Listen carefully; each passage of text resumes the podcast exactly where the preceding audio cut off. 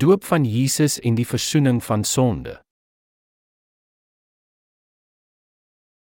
Matteus 3:13-17 Toe het Jesus van Galilea af na die Jordaan streek gegaan en na Johannes gekom om deur hom gedoop te word.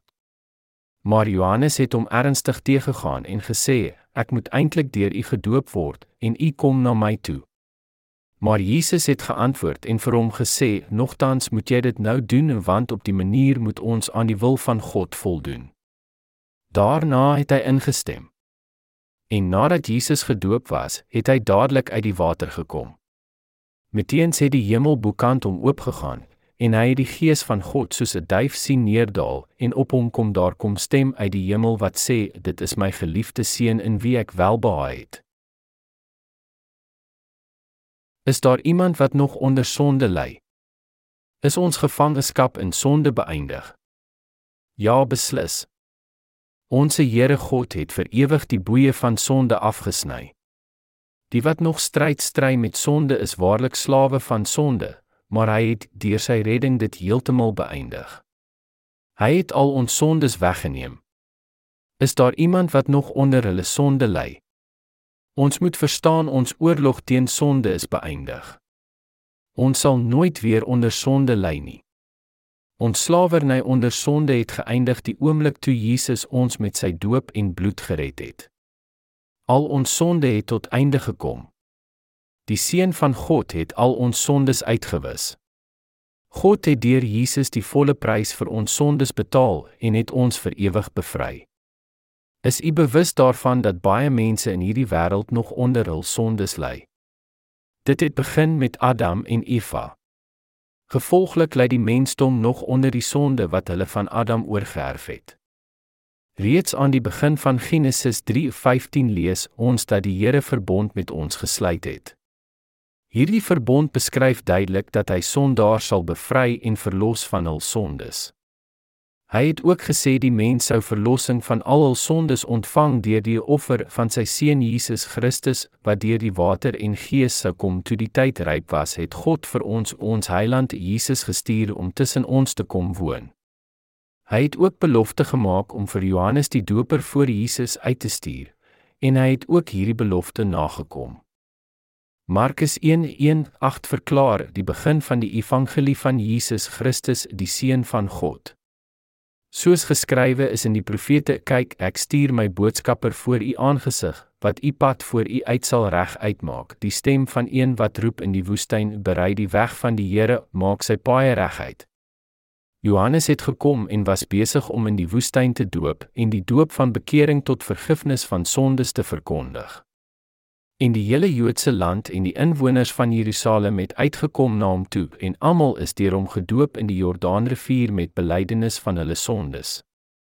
En Johannes was gekleed met kameelhare en leergord om sy heupe en hy het sprinkane en wilde heuning geëet. En hy het gepreek en gesê hy wat sterker is as ek kom na my en ek is nie waardig om neer te buig en sy skoenriem los te maak nie. Ek het julle wel met water gedoop, maar hy sal julle doop met die Heilige Gees. Johannes die Doper, die getuie en voorloper van die evangelie. Wie is Johannes die Doper? Die laaste hoëpriester en die verteenwoordiger van die mensdom. Die woord doop in Grieks is 'n baptizo wat beteken hoofsaaklik om onder in te dompel, maar kan ook beteken om gewas te word, te begrawe onder dompeling om aan te gee of oor te plaas ens. Met Jesus se doop is die regverdigheid van God vervul. Regverdigheid is die kaiosine wat in Grieks beteken die mees verdiende, die mees gepaste, die mees passende of die mees regverdige staat. Jesus is gedoop sodat hy die heiland kon word op die mees gepaste wyse. Daarom slegs diegene wat in Jesus se doop en die kruisdood glo ontvang God se gawe van verlossing. Johannes die Doper in die Nuwe Testament is die laaste hoëpriester van die Ou Testament. Laat ons Matteus 11:10-11 bekyk. Hierdie vers verduidelik dat Johannes die Doper die verteenwoordiger van die mensdom is, asook die hoëpriester in die Nuwe Testament. Hierdie Johannes het die hele wêreld se sondes op Jesus geplaas met die doop. Dus sien ons hoe hy die hoëpriesterlike amptstake van die Ou Testament uitgevoer het. Jesus het self oor hom getuig, want al die profete en die wet het tot op Johannes geprofeteer. En as jy dit wil aanneem, hy is Ela wat sou kom, Matteus 11:13-14. Dus Johannes die Doper was afstammeling van die hoëpriester Aaron en die laaste hoëpriester. Die Bybel verklaar dat Johannes afstammeling van Aaron die hoëpriester was. Lukas 1:5 en 1 Kronieke 24:10. Waarom het Johannes alleen in die woestyn gebly slegs geklee in klere van kameelhare? Dit was om die hoëpriesterampt te bevestig. As verteenwoordiger van die mensdom kon Johannes die Doper nie tussen mense bly nie. Dit is die rede waarom hy uitgeroep het: "Bekeer julle hele ander geslagte" en hulle gedoop het en hulle beveel het om vrugte te dra wat by hul bekering pas. Sodoende het hy die mense weggelei van lewe van sonde na Jesus toe wat al hulle sonde weggeneem het. Johannes die Doper het die hele wêreld se sonde op Jesus geplaas met die doop en ons is volkome verlos toe Johannes sy hande op die hoof van Jesus gelê het. Twee soorte van doop. Waarom het Johannes die Doper mense gedoop? Om mense na bekering te lei en om te glo aan hul verlossing in Jesus. Johannes die Doper het mense gedoop en daarna het hy Jesus gedoop. Die eerste doop was die doop wat tot bekering lei het was. Hy het sondaars geroep om weer na God terug te keer. Baie mense wat die woorde van God deur Johannes gehoor het, het hulle afgode vernietig en inderdaad na God teruggekeer. Die tweede doop was die doop van Jesus, die doop waar alle sonde op Jesus geplaas is. Johannes die Doper het Jesus gedoop om God se regverdigheid te volbring. Met ander woorde, Jesus is deur Johannes die Doper gedoop om alle mense van hulle sondes te red, Matteus 3:15. Waarom was dit nodig vir Johannes om Jesus te doop? Die rede om die sonde van die wêreld op hierdie manier weg te neem. God het Johannes gelas om al die sonde op Jesus te plaas, sodat mense wat in hom glo, waarlik gered kan word. Johannes die Doper was God se dienaar wat sekere take gehad het. Dit was om die sonde van die hele wêreld op Jesus te plaas en om getuienis te lewer oor Jesus, sodat mense hul van hulle sondes kon bekeer en om sodoende hulself skoon te was van sonde deur in sy evangelie van verlossing te glo. Dit was dus nodig vir Johannes om afgesonderd in die woestyn te bly. Gedurende hierdie tydperk waarin Johannes die Doper gelewe het, was die mense van Israel uiters bedorwe en sleg. Dus het God in die Ou Testament verklaar: "Kyk, ek stuur julle die profeet Ela voordat die groot en vreeslike dag van die Here aanbreek. En hy sal die hart van die vaders terugbring tot die kinders en die hart van die kinders tot hulle vaders, sodat ek nie hoef te kom en die land met die banvloek tref nie." Maleagi 4:5-6. In God se oë was die volk van Israel wat Jehovah aanbid het uiters bedorwe en vuil. Geen een was regverdig voor hom nie. Die godsdienstige leiers wat in die tempel hul take verrig het, pf. priesters, regsgeleerdes en skrifgeleerdes was hoofsaaklik sondig. Die volk van Israel en hulle priesters het versuim om offerandes te maak in ooreenstemming met God se wet. Die priesters het die verpligte take wat God vir hulle gegee het om hande op die sondoffers te lê en die ritueel van die offerande van bloed wat vir die verzoening van sonde was verlaat. Dit is so opgeteken in die boek Maleagi. Daarom was dit dus onmoontlik vir Johannes die Doper om tussen die mense te woon. Hy het dus alleen in die woestyn gebly en daar vir hulle gepreek. Waaroor het hy gepreek? Dit word in Markus 1:2-3 verklaar en die woorde van die profeet Jesaja word aangehaal: "Kyk, ek stuur my boodskapper voor u aangesig wat u pad voor u uit sal regmaak. Die stem van een wat roep in die woestyn: Oorberei die weg van die Here, maak sy paaie reguit." Die stem in die woestyn het na die mense uitgeroep sodat hulle hul kon bekeer en gedoop word. Wat is hierdie doop van bekering waaroor die Bybel praat? Dit is die doop waarvan Johannes die Doper uitgeroep het, wat mense teruggeroep het na God sodat hulle in hom kon glo wat die mensdom sou kom red. Die doop van bekering was om hulle na verlossing te lei. Hy het dus gepreek: "Bekeer julle en word gedoop." Ons Heiland Jesus sal op hierdie selfde manier gedoop word om al julle sondes weg te neem. Dis die roepstem van Johannes die Doper was om te verkondig dat Jesus die wêreld se sondes sou kom wegneem en aan die kruis veroordeel sou word om die mensdom te red en dat hulle sou terugdraai na God toe. Ek het julle wel met water gedoop, maar hy sal julle doop met die Heilige Gees. Maar hy sal julle doop met die Heilige Gees beteken om al julle sondes weg te was. Om gedoop te word beteken om skoon te was. Die doop van Jesus in die Jordaanrivier vertel vir ons dat hy ons op hierdie manier gered het deur ons sondes weg te neem. Daarom moet ons nou wegdraai van ons sondige lewens en in hom glo. Hy is die lam wat die wêreld se sondes wegneem. Hierdie is die evangelie van verlossing waarvan Johannes die Doper getuienis gelewer het. Die hoëpriester se take en die verzoening van sondes. Wie berei die weg van redding? Johannes die Doper. Die profeet Jesaja het geprofeteer: "Spreek na die hart van Jerusalem en roep na haar toe dat haar stryd verby is, dat haar skuld betaal is, dat sy uit die hand van die Here dubbel ontvang het vir al haar sondes." Jesaja 40:2. Jesus Christus het al ons sondes weggeneem sonder enige uitsondering dwis, vorige sondes, teenwoordige sondes en ook toekomstige sondes. Alles is inderdaad weggewas deur sy doop. Hy het ons almal verlos. Ons moet nou kennis dra van sy verlossing wat hy vervul het. Vriende, om waarlik gered en verlos te word van al ons sonde, moet ons in die evangelie glo waarna verwys word waar Johannes die Doper al sy sondes van die wêreld op Jesus geplaas het deur sy doop. Ons moet versigtig wees om nie met die verkeerde begrip of geloof rondloop en te sê nie, omdat God liefde is, sal hy ons in die koninkryk van hemel toelaat as ons net glo in Jesus, selfs al is daar bietjie sonde in ons harte. Luister na die woorde en doen dit vriende om verlos te word van al u sondes, moet u in sy doop glo waar Johannes die Doper al die sondes op Jesus geplaas het, asook die kruis. Dit is deur die water wat Johannes die Doper die hele mensdom se sondes op Jesus geplaas het. Die heel eerste doel wat God gehad het, was om ons te red en ook om Johannes na hierdie wêreld te stuur. As die boodskapper was hy ook gestuur as die ambassadeur van die koning om die sondes van die wêreld deur die doop op Jesus op hom te plaas. Hy het die hoëpriester se take amptelik verrig vir die ganse mensdom. God het vir ons beloof dat hy sy boodskapper na ons toe sal stuur, nou Johannes die Doper. Ek stuur my boodskapper voor u aangesig. Voor u aangesig beteken voor Jesus. Waarom het God Johannes voor Jesus gestuur?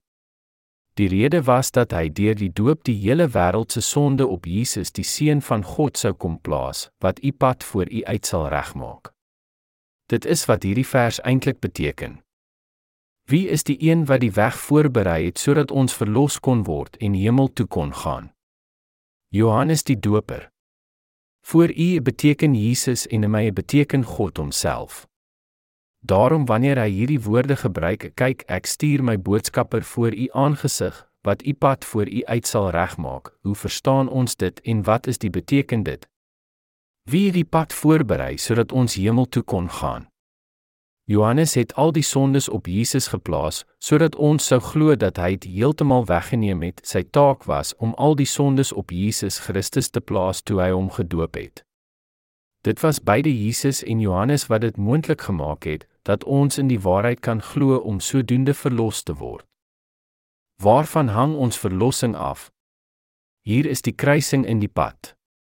Dit hang af of ons al die regverdige dade en werke van Jesus, die seun van God, aanvaar en dit glo en die feit dat die boodskapper van God, Johannes die Doper, al die sonde van die wêreld op Jesus geplaas het. Liewe vriende, ons moet almal kennis dra van hierdie evangelie, die verlossing van sonde. As u hierdie evangelie nie aanvaar nie, dan mis u die hemel, daar is geen ander weg nie. God die Vader het sy boodskapper vooruitgestuur, die een wat sy seun sou doop. God het hom as die verteenwoordiger van die mensdom gekies. Dis vriende het hy al die werke of take tot verlossing vir ons afgehandel. Prys sy heilige naam. God het sy dienaar Johannes die Doper gestuur om sy seun te doop, sodat hy die weg vir verlossing kon voorberei vir die wat in Jesus sou glo. Dit vriende is die rede waarom Johannes Jesus gedoop het. Die doop van Jesus was die vervulling van God se verlossingsplan. Selfs al die toekomstige sonde van die mensdom is ook op Jesus geplaas toe hy gedoop is. Beide Jesus en Johannes het die pad na die hemel vir ons voorberei. Sodoende het God sy geheim van verlossing ontbloot deur sy verteenwoordiger, Johannes die Doper. As die verteenwoordiger van die mensdom het Johannes Jesus gedoop sodat ons in sy verlossing kon glo en hemel toe gaan. Hy het alle sonde op Jesus geplaas deur sy doop. Hierdie vriende is die vreugdevolle nuus van verlossing en die evangelie. Waarom was Johannes die Doper gebore? Deur wie kan ons in Jesus glo? Johannes die Doper. Daar word in Maleagi 3:1 geskrywe: "Kyk, ek stuur my boodskapper wat die weg voor my uit sal baan." Wanneer die Bybel gelees word, moet ons ons gekleurde brille afhaal en stadig met oorleg en oplettendheid lees met oop oë en ore. Waarom het God sy boodskapper voor Jesus gestuur en waarom was Johannes die Doper 6 maande voor Jesus gebore? In verhouding met die Bybel moet ons dit verstaan en nie voortgaan met vooropgestelde gedagtes nie. Die Ou Testament verklaar al die take en werke van die Hoëpriester Aaron. Aaron was Moses se ouer broer. God het vir Aaron en sy seuns gesalf as priesters. Die oorblywende Lewiete het onder Aaron se seuns gewerk wat die verskillende benodighede verskaf het, soos wat hulle dit nodig gehad het, mengsels voor te berei vir brood ens, terwyl daar in die tabernakel offerandes opgeoffer word. Aaron se seuns was gesalf om tussen hulle soortgelyke take te verrig, maar op die groot versoeningsdag in die 7de maand op die 10de van die maand het slegs die hoëpriester hierdie belangrike taak verrig, na die versoening van die hele volk se oortredinge en sondes. In Lukas 1:5 is daar geskryf oor die afstammeling van Johannes die Doper. Ons moet die korrekte kennis dra oor wie hierdie boodskapper van God was en weet wie hy werklik was om so Jesus beter te kan verstaan. Daar word geneig om meer oor Jesus en sy kruis te preek en Johannes die Doper word deurgaans geïgnoreer. Daarom wil ek probeer om julle te help om dit beter te verstaan. Die begin van die evangelie van Jesus Christus, die seun van God. Soos geskrywe is in die profete, kyk ek stuur my boodskapper voor u aangesig wat u pad voor u uit sal regmaak. Die stem van een wat roep in die woestyn, berei die weg van die Here, maak sy paaie reguit. Markus 1:1-2. Vriende, kyk maar in die Bybel, die evangelie van die hemel begin altyd met Johannes die Doper. Eers wanneer daar 'n studie oor Johannes die Doper gedoen word en verstaan word, sal dit moontlik wees om in sy evangelie van verlossing te glo. Dit is dieselfde as om te sit en luister na die gesprek van ambassadeurs van ander lande oor hoe dit in daardie verskillende lande gaan oor hul kulture om so hierdie nasies te verstaan. Wanneer ons deeglike kennis van Johannes dra, sal ons die verlossingsplan van God baie goed kan verstaan. Dit is groot jammerte dat baie Christene die belangrike betekenis van Johannes ignoreer weens onkunde. God het Johannes nie gestuur net omdat hy verveeld was of om tyd te mors nie. Let op voordat daar gepraat word oor Jesus en sy verlossing in die vier evangelies van die Nuwe Testament, word daar reeds verwys na Johannes die Doper. Maar kerke in hierdie wêreld, asook bekende evangeliste regdeur die wêreld ignoreer hom en verkondig blote leuns en sê om slegs in Jesus te glo is genoeg om aanvaarbaar vir die hemel te wees. Met hierdie valse evangelies word mense mislei om te lewe as sondaars en op die ou end in die hel te beland. As Christene slegs in Jesus glo sonder die kennis en die rol of funksie van Johannes die Doper, sou Christendom ontaard in 'n wêreldse godsdiens. Hoe is dit moontlik om van u sondes verlos te word as u nie die waarheid ken nie? Dit is onmoontlik. Die evangelie van verlossing is ook nie so eenvoudig of so maklik nie. Daar is baie mense wat dink redding lê in ons geloof in die kruis omdat Jesus daar gesterwe het. As u net in sy kruisiging glo sonder om kennis te dra van die waarheid van die plasing van al ons sondes, sal so 'n geloof u nie in die waarheid lei nie, omdat dit onvoldoende is al is hulle geloof hoe groot. God het Johannes die Doper na die wêreld gestuur om die mensdom mee te deel hoe verlossing uitgevoer gaan word en hoe Jesus die sonde sou wegneem. Slegs as ons hierdie kennis van die waarheid dra, sal ons verstaan hoe Jesus die seun van God die sonde van die wêreld op homself geneem het. Johannes die Doper vertel ons oor die waarheid van verlossing. Hy het ook getuienis gelewer oor Jesus wat eintlik God is, die ware lig van die wêreld. Hy het ook duidelik verklaar dat hy Johannes self nie die lig was nie, maar net die getuie van die lig. Hy het in Johannes hoofstuk 1 getuig dat hy die een was wat die pad vooruitgebaan het, sodat die evangelie van verlossing voorberei kon word deur Jesus Christus te doop. Vriende, as ons nie die getuienis van verlossing van Johannes gehad het nie, hoe sou dit moontlik gewees het om in Jesus te glo?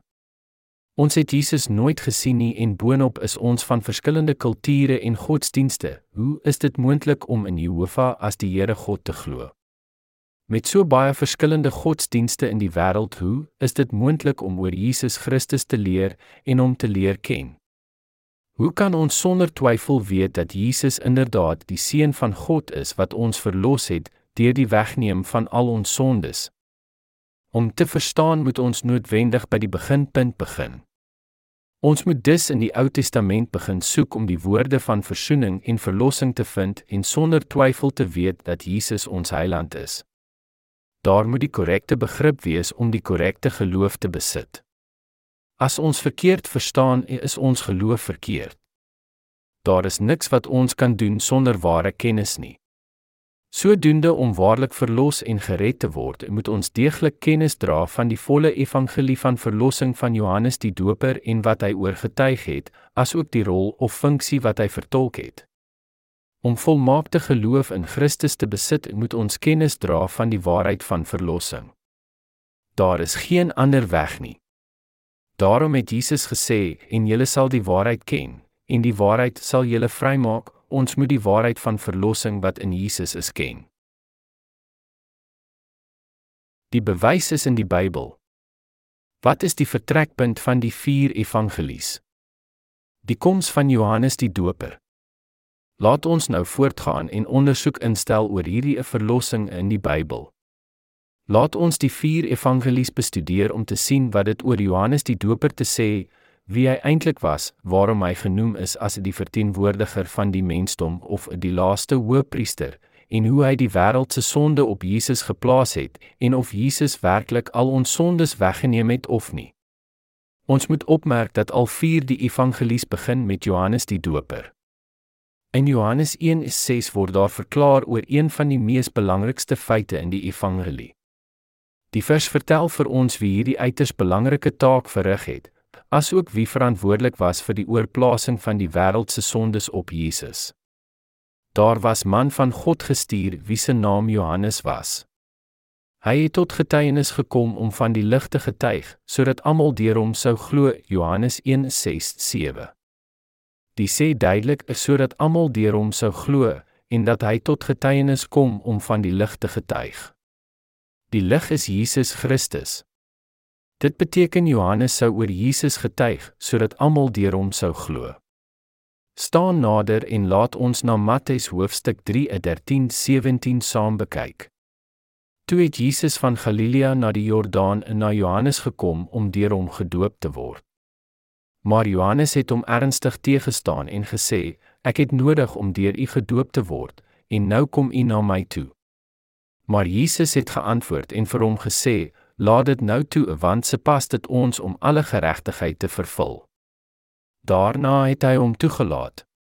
En nadat Jesus gedoop was, het hy dadelik uit die water opgeklim en meteens gaan die hemele vir hom oop en hy sien die gees van God soos duif neerdal en op hom kom. En daar kom stem uit die hemel wat sê: "Dit is my geliefde seun in wie ek welbehae het." Waarom moet ons Johannes se afstammeling verstaan? Omdat die Bybel vir ons vertel dat Johannes die hoëpriester van die mensdom was. Johannes die Doper het Jesus gedoop om verlossing van die wêreld se sondes tot stand te bring. Die doop wat Jesus ontvang het van Johannes was die belangrikste gebeurtenis vir ons redding en verlossing. Maar om dit te verstaan en die volle waarheid te glo, moet ons Johannes die Doper eerstens noukeurig bestudeer. In Lukas 1:1-14 lees ons aangesien baie onderneem het om verhaal op te stel oor die dinge wat onder ons al vervul is, soos hulle wat van die begin af ooggetuies en dienaars van die woord was, dit aan ons oorgelewer het, het ek ook dit goed gedink, hooggeagte Terphilus, nadat ek van vooraf alles in volgorde aan u te skrywe, sodat u met volle sekerheid kan weet die dinge waaromtrent u onderrig is. Daar was in die dae van Herodes, koning van Judea, 'n sekere priester met die naam van Sagaraat uit die dogters van Abba, en sy vrou was uit die dogters van Aaron, en haar naam was Elisabet. En hulle was al twee regverdig voor God en het in al die gebooie en regte van die Here onberispelik gewandel. En hulle het geen kind gehad nie, omdat Elisabet onvrugbaar was en albei op vergevorderde leeftyd. En terwyl hy besig was om die priesteramp voor God te bedien in die beurt van sy afdeling, het die lot volgens priesterlike gewoonte op hom geval om in te gaan in die temple van die Here en reukwerk te brand en die hele menigte van die volk was buite besig om te bid op die uur van die reukoffer.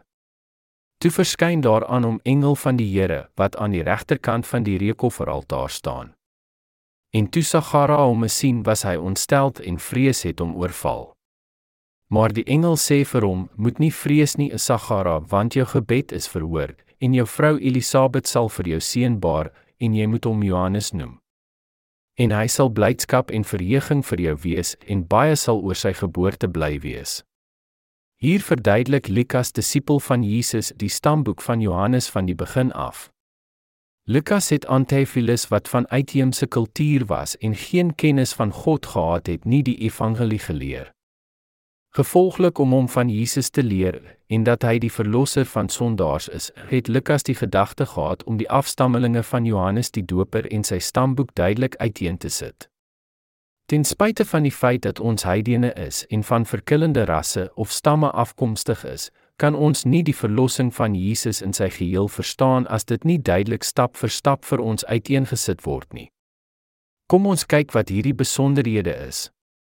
In Lukas 1:5-9 verhaal hy: Daar was in die dae van Herodes koning van Judea 'n sekere priester met die naam van Sagara uit die dogters van Abba en sy vrou was uit die dogters van Adron en haar naam was Elisabet. En hulle was al twee regverdig voor God en het in al die gebooie en regte van die Here onberispelik gewandel en hulle het geen kind gehad nie omdat Elisabet onvrugbaar was en albei op vergevorderde leeftyd en terwyl hy besig was om die priesteram voor God te bedien in die beurt van sy afdeling. Hier sien ons gebeurtenis wat plaasgevind het terwyl Sagara in sy priesterskap God gedien het volgens die priesterlike amp. Lukas het hier duidelik getuig dat Sagara afstammeling van Aaron was. Dis die vraag waar pas Sagara in? Dit is baie belangrike beginpunt. Hy het verklaar o en terwyl hy besig was om die priesteramp voor God te bedien in die beurt van sy afdeling. Daar is geen twyfel dat Lukas Elisabet en Versagara goed geken het nie en dus kon hy hulle baie goed beskryf en ook terselfdertyd die evangelie van verlossing verklaar. Johannes die Doper was gebore uit Sagara en sy vrou Elisabet wat een van die dogters van Aaron was. Laat ons nou na Sagara, Johannes se vader se stamboek bekyk. Die afstammeling van Johannes die Doper. Van wie was Johannes die Doper 'n afgestammeling? Aaron die hoëpriester.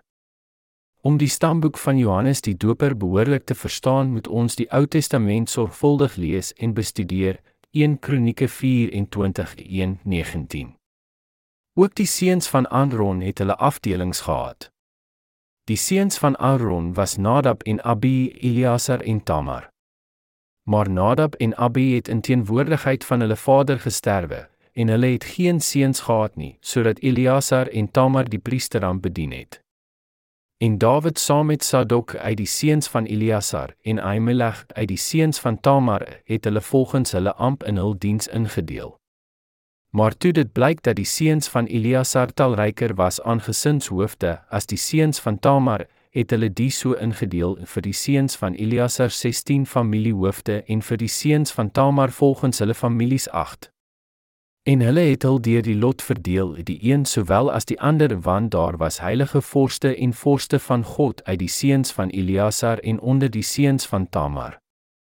En Semaja, die seun van Netaneel, die skrywe uit die Lewiete, het hulle opgeskrywe in teenwoordigheid van die koning en die vorste en die priester Sadok en Ahimelech, die seun van Abiatar, en die familiehoofde van die priesters en van die Lewiete, een familie is uitgeloot vir Eleazar en telkens weer vir Tamar.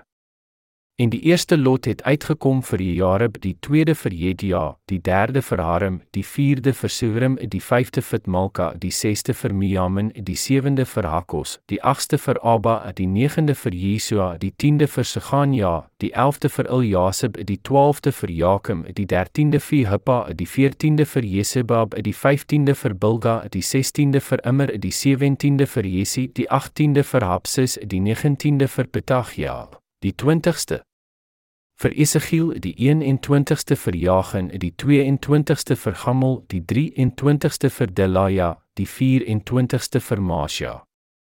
Dit was hulle amptsorde vir hul diens om in die huis van die Here te gaan volgens die verordening deur hul vader Aaron aan hulle soos die Here die God van Israel hom bevel het. Laat ons vers 10 weer lees. Die 7de vir Hakos, die 8ste vir Abba, In die dae van koning Dawid was daar baie priesters en om die orde te behou, was daar sekere regulasies en sistematiese dienste ingestel. Dis het Dawid elkeen van die seuns van Aaron hulle volgens hulle amp in hul diens ingedeel. Julle weet seker al klaar Moses se ouer broer was Aaron. God het Moses geroep en gesalf as sy verteenwoordiger en Aaron sy broer as die hoëpriester van die heilige tabernakel en dit voor die aangesig van die volk van Israel. Die oorblywende leviete het onder die priesters gedien wat aangestel was, Aaron en sy seuns het uitsluitlik gesorg vir die offerande voor God. Voordat Dawid die lot uitgedeel het, het die priesters wat van Aaron afstammeling was ook gelas om die lot te trek. Die gevolg was dat dit baie verwarring veroorsaak. Daarom het Dawid se stelsel bepaal waarin die verskillende afdelings in volgorde geplaas sou het. Daar was 24 afdelings in rangorde wat ontstaan vanaf die kleinseuns van Aaron en tot op die 8ste lot van Abba. Daar word geskryf sekere priester met die naam van Sagara uit die dogters van Abba. Dis was Sagara priester van die afdeling van Abba en beide van hulle was afstammelinge van Aaron die hoëpriester. Dis was Sagara priester van die afdeling van Abba wat die vader van Johannes die Doper was. Ons dra ook kennis van uit die Bybel dat in daardie dae het die families met mekaar ondertrou. Soop het Jakob met sy oom se dogter getrou aan moederskant. Dit is hierdie verklaring van die afstammelinge wat 'n diepere betekenis het. Dit vertel vir ons sekere priester met die naam Sagara uit die afdeling van Abba. Dis was Johannes sonder twyfel 'n afstammeling van Aaron. Dit is 'n belangrike feit wanneer daar oor verlossing van Jesus verduidelik word en oor die amptverrigtinge van Johannes die Doper en die plasing van die wêreld se sondes op Jesus. Net die seuns van Aaron sal as priesters dien. Wie kon as hoëpriester dien in die Ou Testament? Aaron en sy benoemde afstammelinge.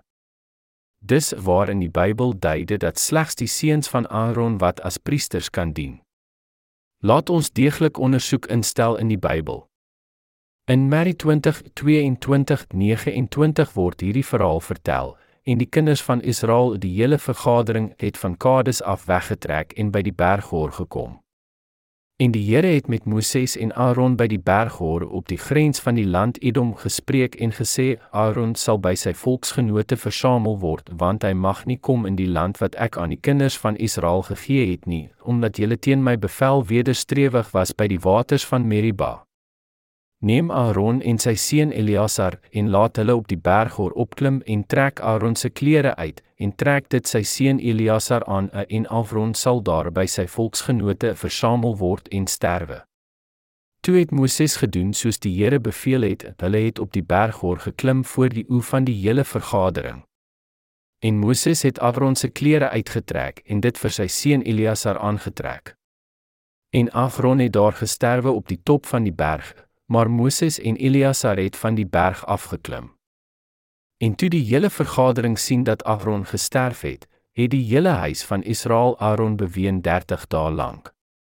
Die wet van God is in Eksodus opgeteken, en dit is ook waar Aaron verplig word om die hoëpriesterlike amp as bediening te aanvaar en waar daarna sy seuns benoem word in die hoëpriesterlike amp net soos hul vader voorheen benoem was en slegs as hulle 30 jaar oud geword het. Die amp kan slegs gevul word na die ouderdom van 30.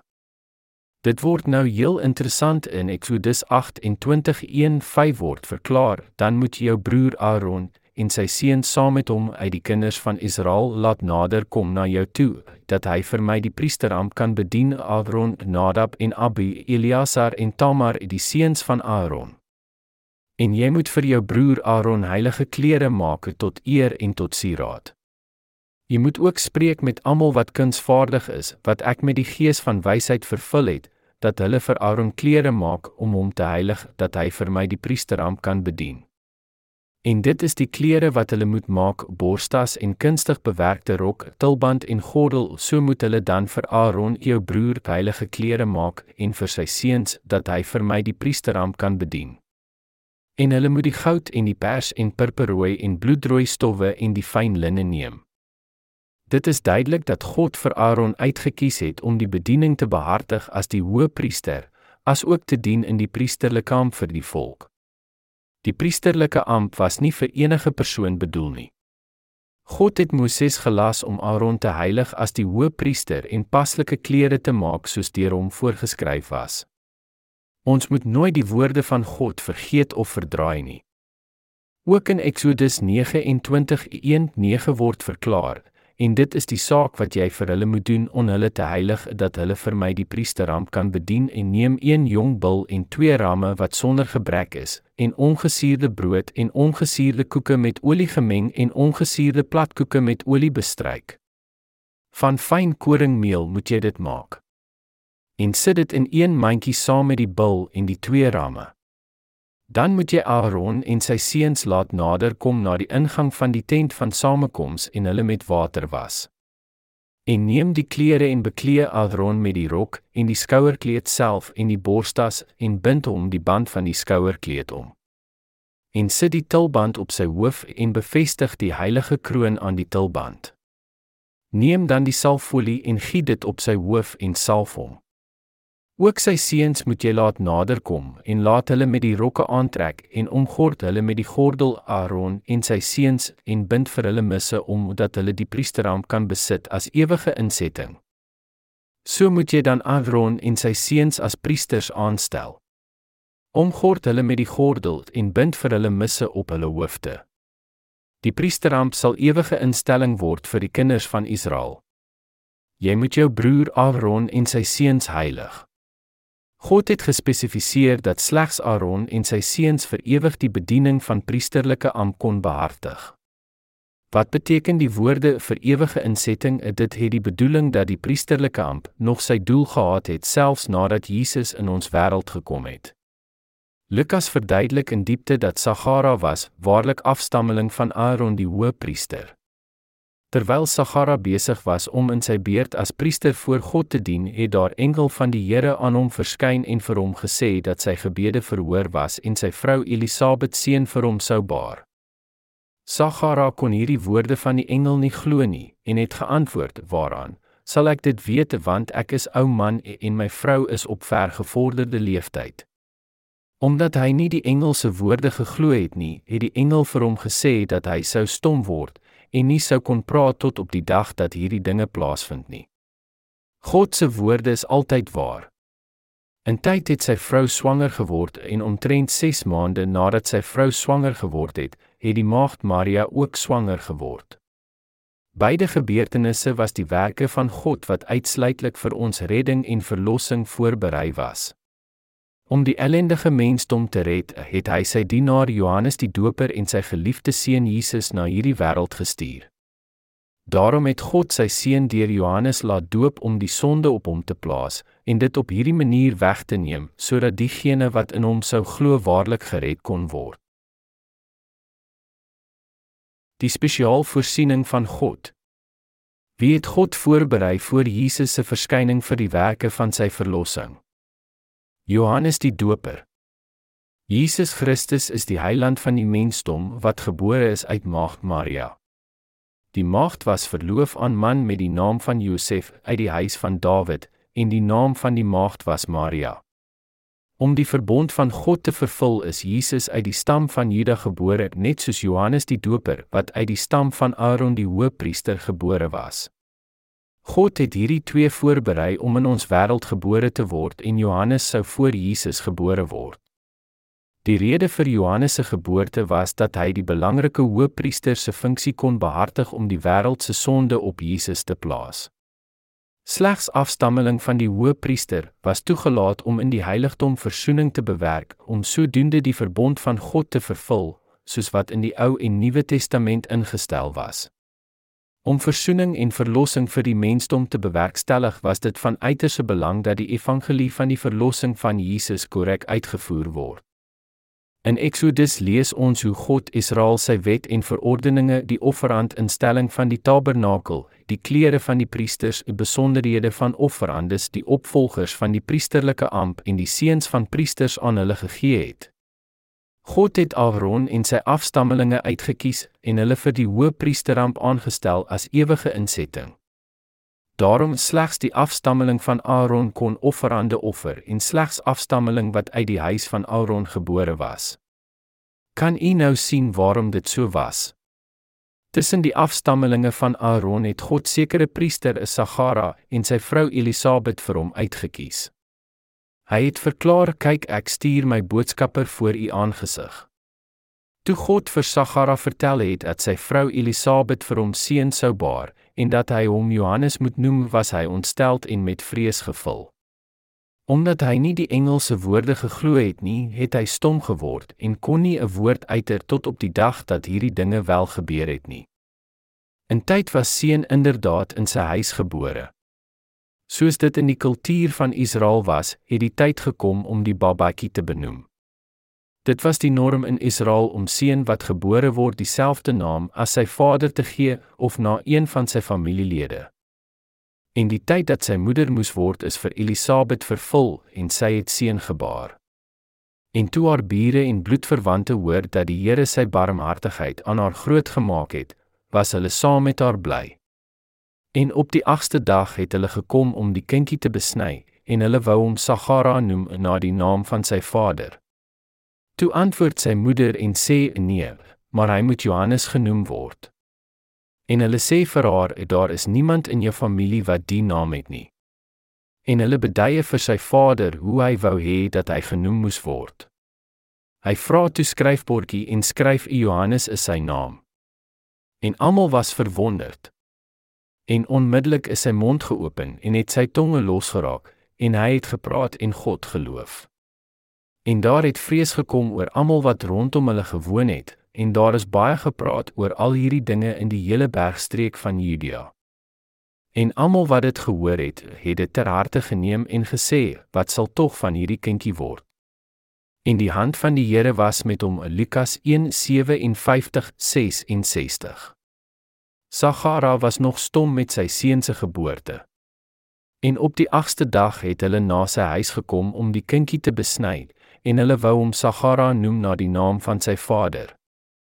Maar die moeder het aangedring dat sy naam Johannes sal wees. Hulle het aan haar gesê dat daar niemand in haar familie was met daardie naam nie en het aangedring dat die baba na sy vader benoem moet word. Toe hulle Elisabet nie kon oortuig nie, het hulle na vir sy vader beduie wat hy wou hê wat hy genoem moes word. Hy vra toe vir skryfbordjie en skryf Johannes is sy naam. En almal was verwonderd oor hierdie vreemde naam. En onmiddellik is sy mond geopen en het sy tong losgeword en hy het gepraat en God geloof. En vrees het oor almal gekom wat om hulle gewoon het. Lukas skryf oor die geboorte van Johannes die Doper in die huis van Sagara. Daar was in die dae van Herdes, koning van Judea, 'n sekere priester met die naam van Sagara uit die dogters van Abba. In die spesiale voorsiening van God was Johannes die Doper uit Sagara gebore wat afstammeling van Aaron was, die verteenwoordiger van die mensdom. Deur beide Johannes die Doper en Jesus Christus is God se verlossing vir mensdom volbring. Ons is van alle sonde gered omdat daar in die volkomme werke van verlossing geglo word wat deur Johannes en Jesus Christus uitgevoer is. Die doop van Jesus. Hoekom het Johannes Jesus gedoop? Om al die sonde van die wêreld weg te neem. Johannes die Doper het oor Jesus getuig dat hy die seun van God is en dat hy al ons sondes weggeneem het. Hy was inderdaad Johannes die Doper dienaar van God wie gestuur was om oor God se verzoening en redding te getuig. Dit beteken nie dat God nie self hierdie dinge aan ons kon verkondig nie of dat dat hy die heiland is nie. Maar God werk gewoonlik deur sy dienaars in sy kerk en deur die monde van al sy mense wat waarlik wedergebore is. God sê: "Spreek na die hart van Jerusalem en roep haar toe dat haar stryd verby is, dat haar skuld betaal is, dat sy uit die hand van die Here dubbel ontvang het vir al haar sondes."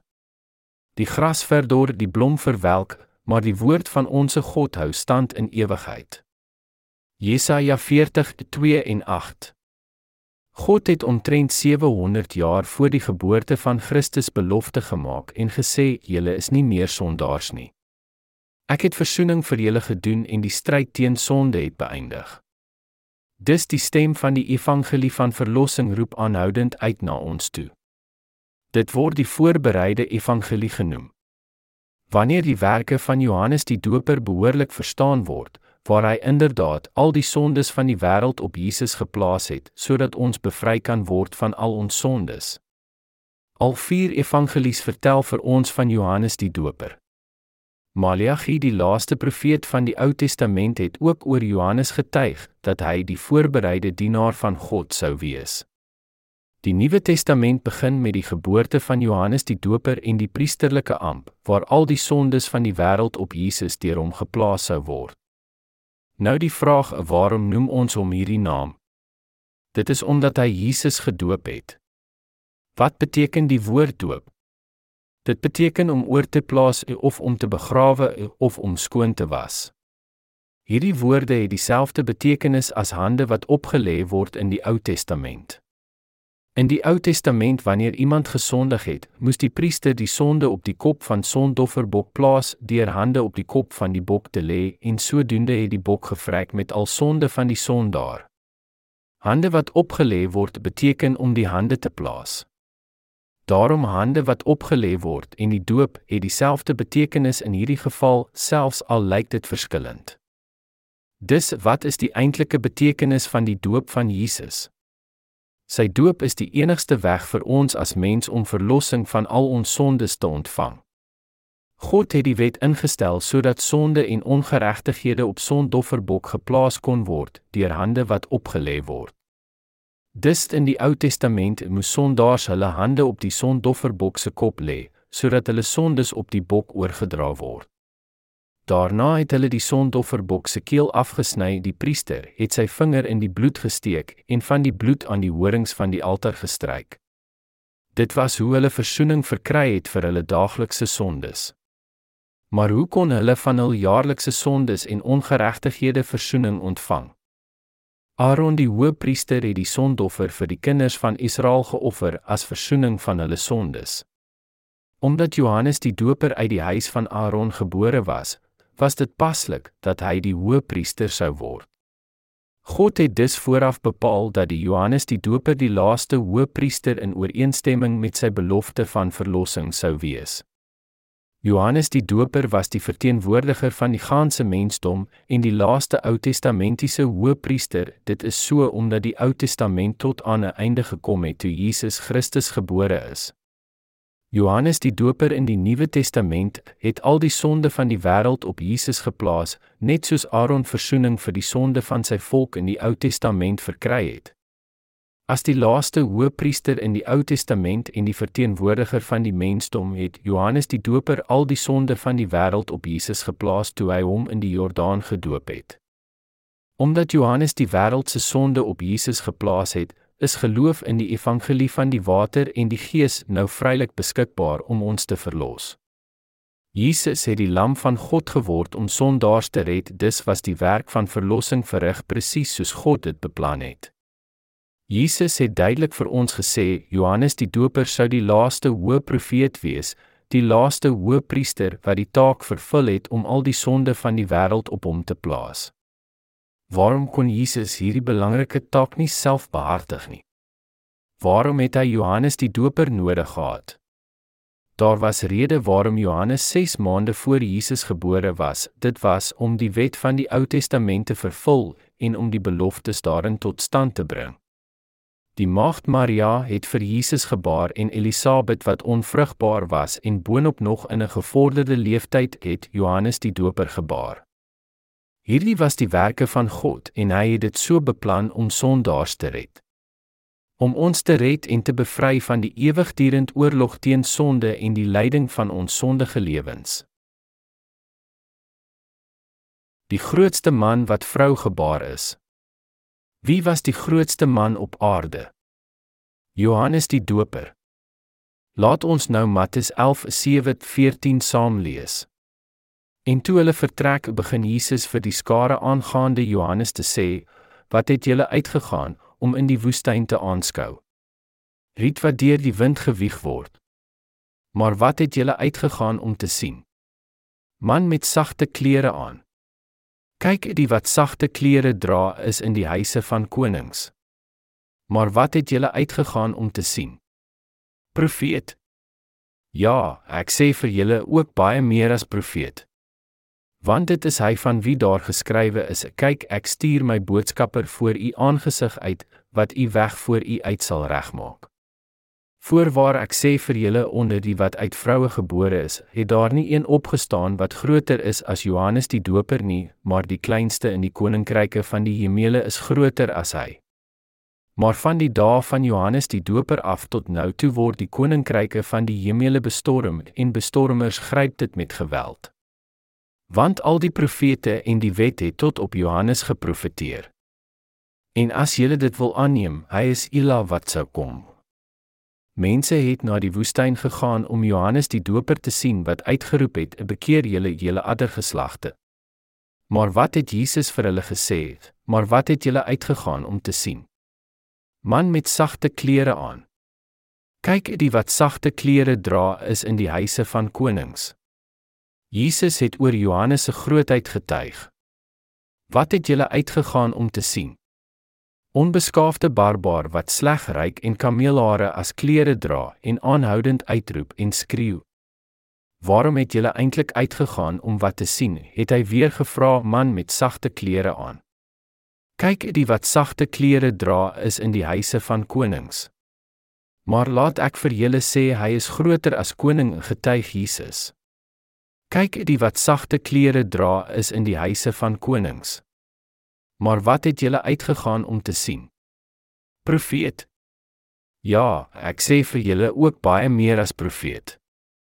In die Bybelse dae was profete as meer belangrik beskou as konings. Johannes die Doper was meer as koning en groter as profeet. Hy was ook groter as al die profete van die Ou Testament. Johannes was die laaste hoëpriester en die verteenwoordiger van die hele mensdom. Hy was ook belangriker as Aaron wat die eerste hoëpriester was. So het Jesus oor Johannes getuig.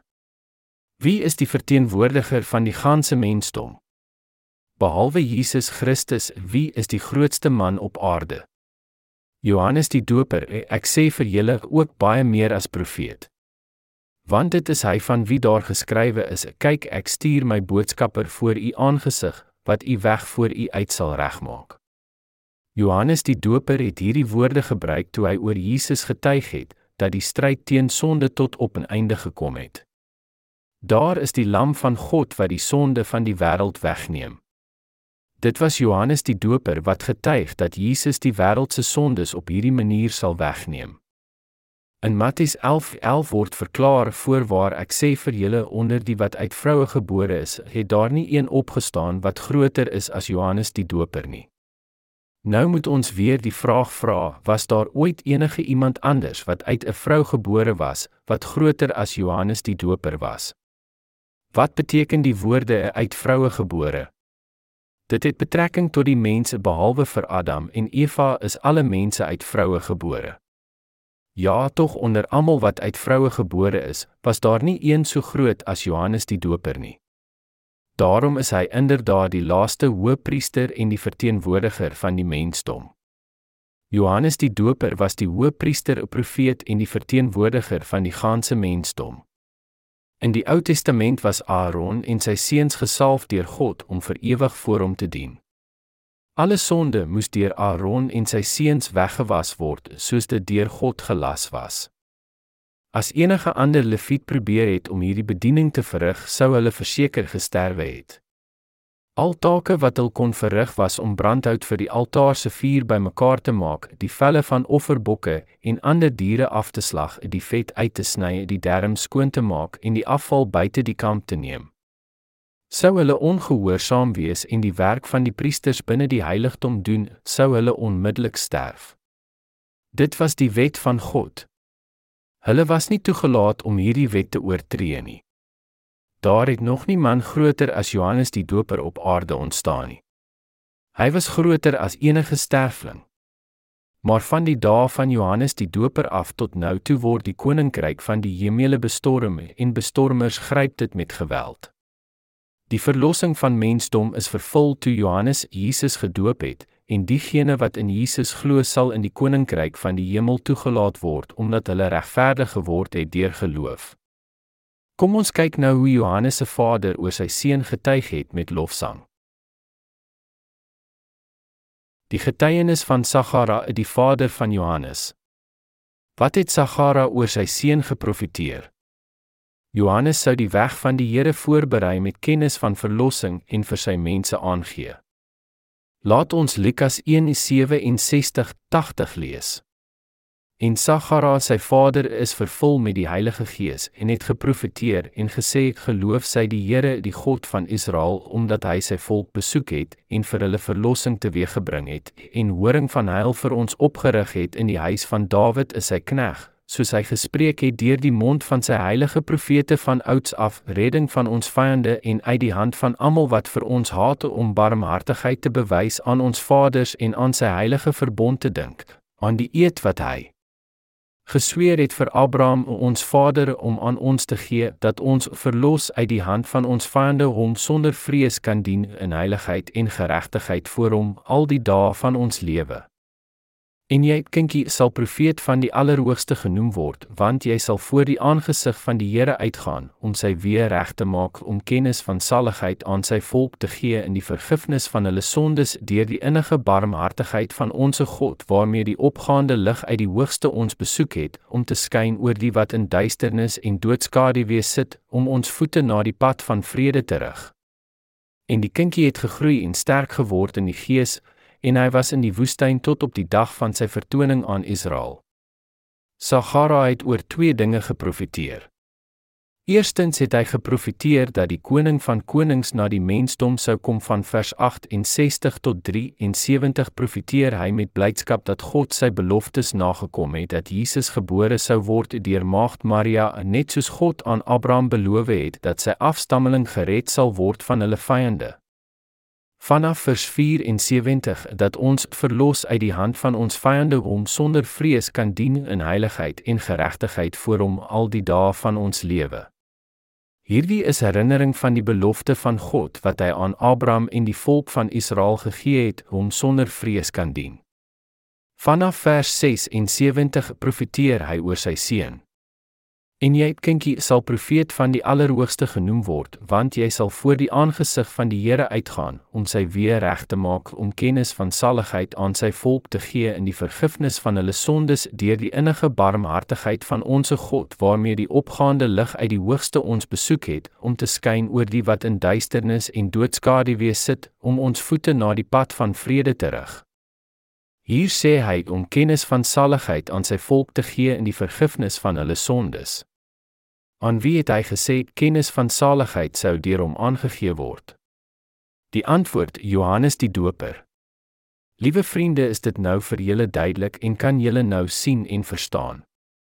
God het Johannes die Doper as sy diensknegt gebruik om vir ons kennis van saligheid te gee dat hierdie Jesus eintlik God se seun is wat die wêreld se sondes weggeneem het. Kom ons blaai terug na Markus hoofstuk 1 en die eerste 5 verse lees. Die begin van die evangelie van Jesus Christus, die seun van God. Soos geskrywe is in die profete: "Kyk, ek stuur my boodskapper voor u aangesig, wat u pad voor u uit sal regmaak. Die stem van een wat roep in die woestyn, berei die weg van die Here, maak sy paaie reguit." Johannes het gekom en was besig om in die woestyn te doop en die doop van bekering tot vergifnis van sondes te verkondig. En die hele Joodse land en die inwoners van Jerusalem het uitgegaan na hom toe en almal is deur hom gedoop in die Jordaanrivier met belydenis van hulle sondes.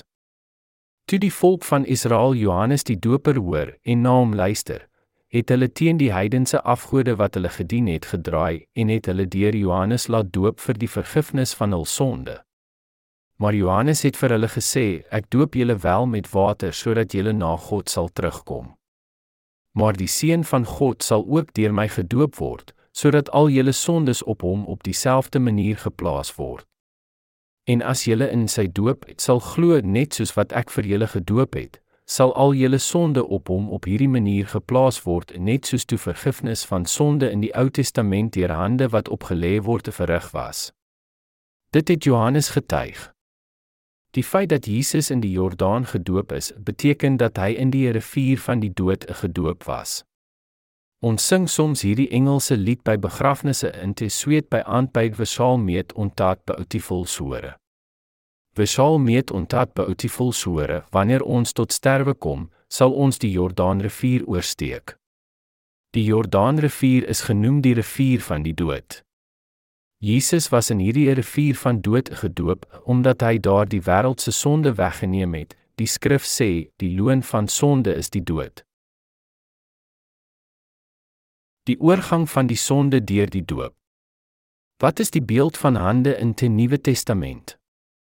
Die doop van Jesus. In Matteus 3:13-17 lees ons: Toe het Jesus van Galilea gekom om deur hom gedoop te word.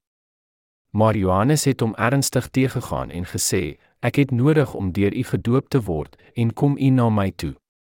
Maar Jesus het geantwoord en vir hom gesê: "Laat dit nou toe, want se pas dit ons om alle geregtigheid te vervul." Daarna het hy hom toegelaat. En nadat Jesus gedoop was, het hy dadelik uit die water opgeklim en meteens gaan die hemele vir hom oop en hy sien die gees van God soos duif neerdal en op hom kom. En daar kom stem uit die hemel wat sê: "Dit is my geliefde seun in wie ek welbehae het." Jesus het na die Jordaan geloop en hy is daar deur Johannes die Doper gedoop. Hy het Johannes beveel: "Johannes, doop my nou." Toe het Johannes aan hom gesê: "Ek het nodig om deur u gedoop te word en kom u na my toe." Hier in die water van die Jordaan het die hoëpriester van hemel en aarde mekaar ontmoet. Soos dit in Hebreërs verklaar, u is priester vir ewig volgens die orde van Melchisedek. Dit beteken Jesus het geen menslike voorgeslag nie. Hy is nie afstammeling van Aaron nie of enige persoon op hierdie aarde nie. Hy is die seun van God ons Skepper. Hy is wie hy is. Daarom het hy geen werklike menslike voorgeslag nie.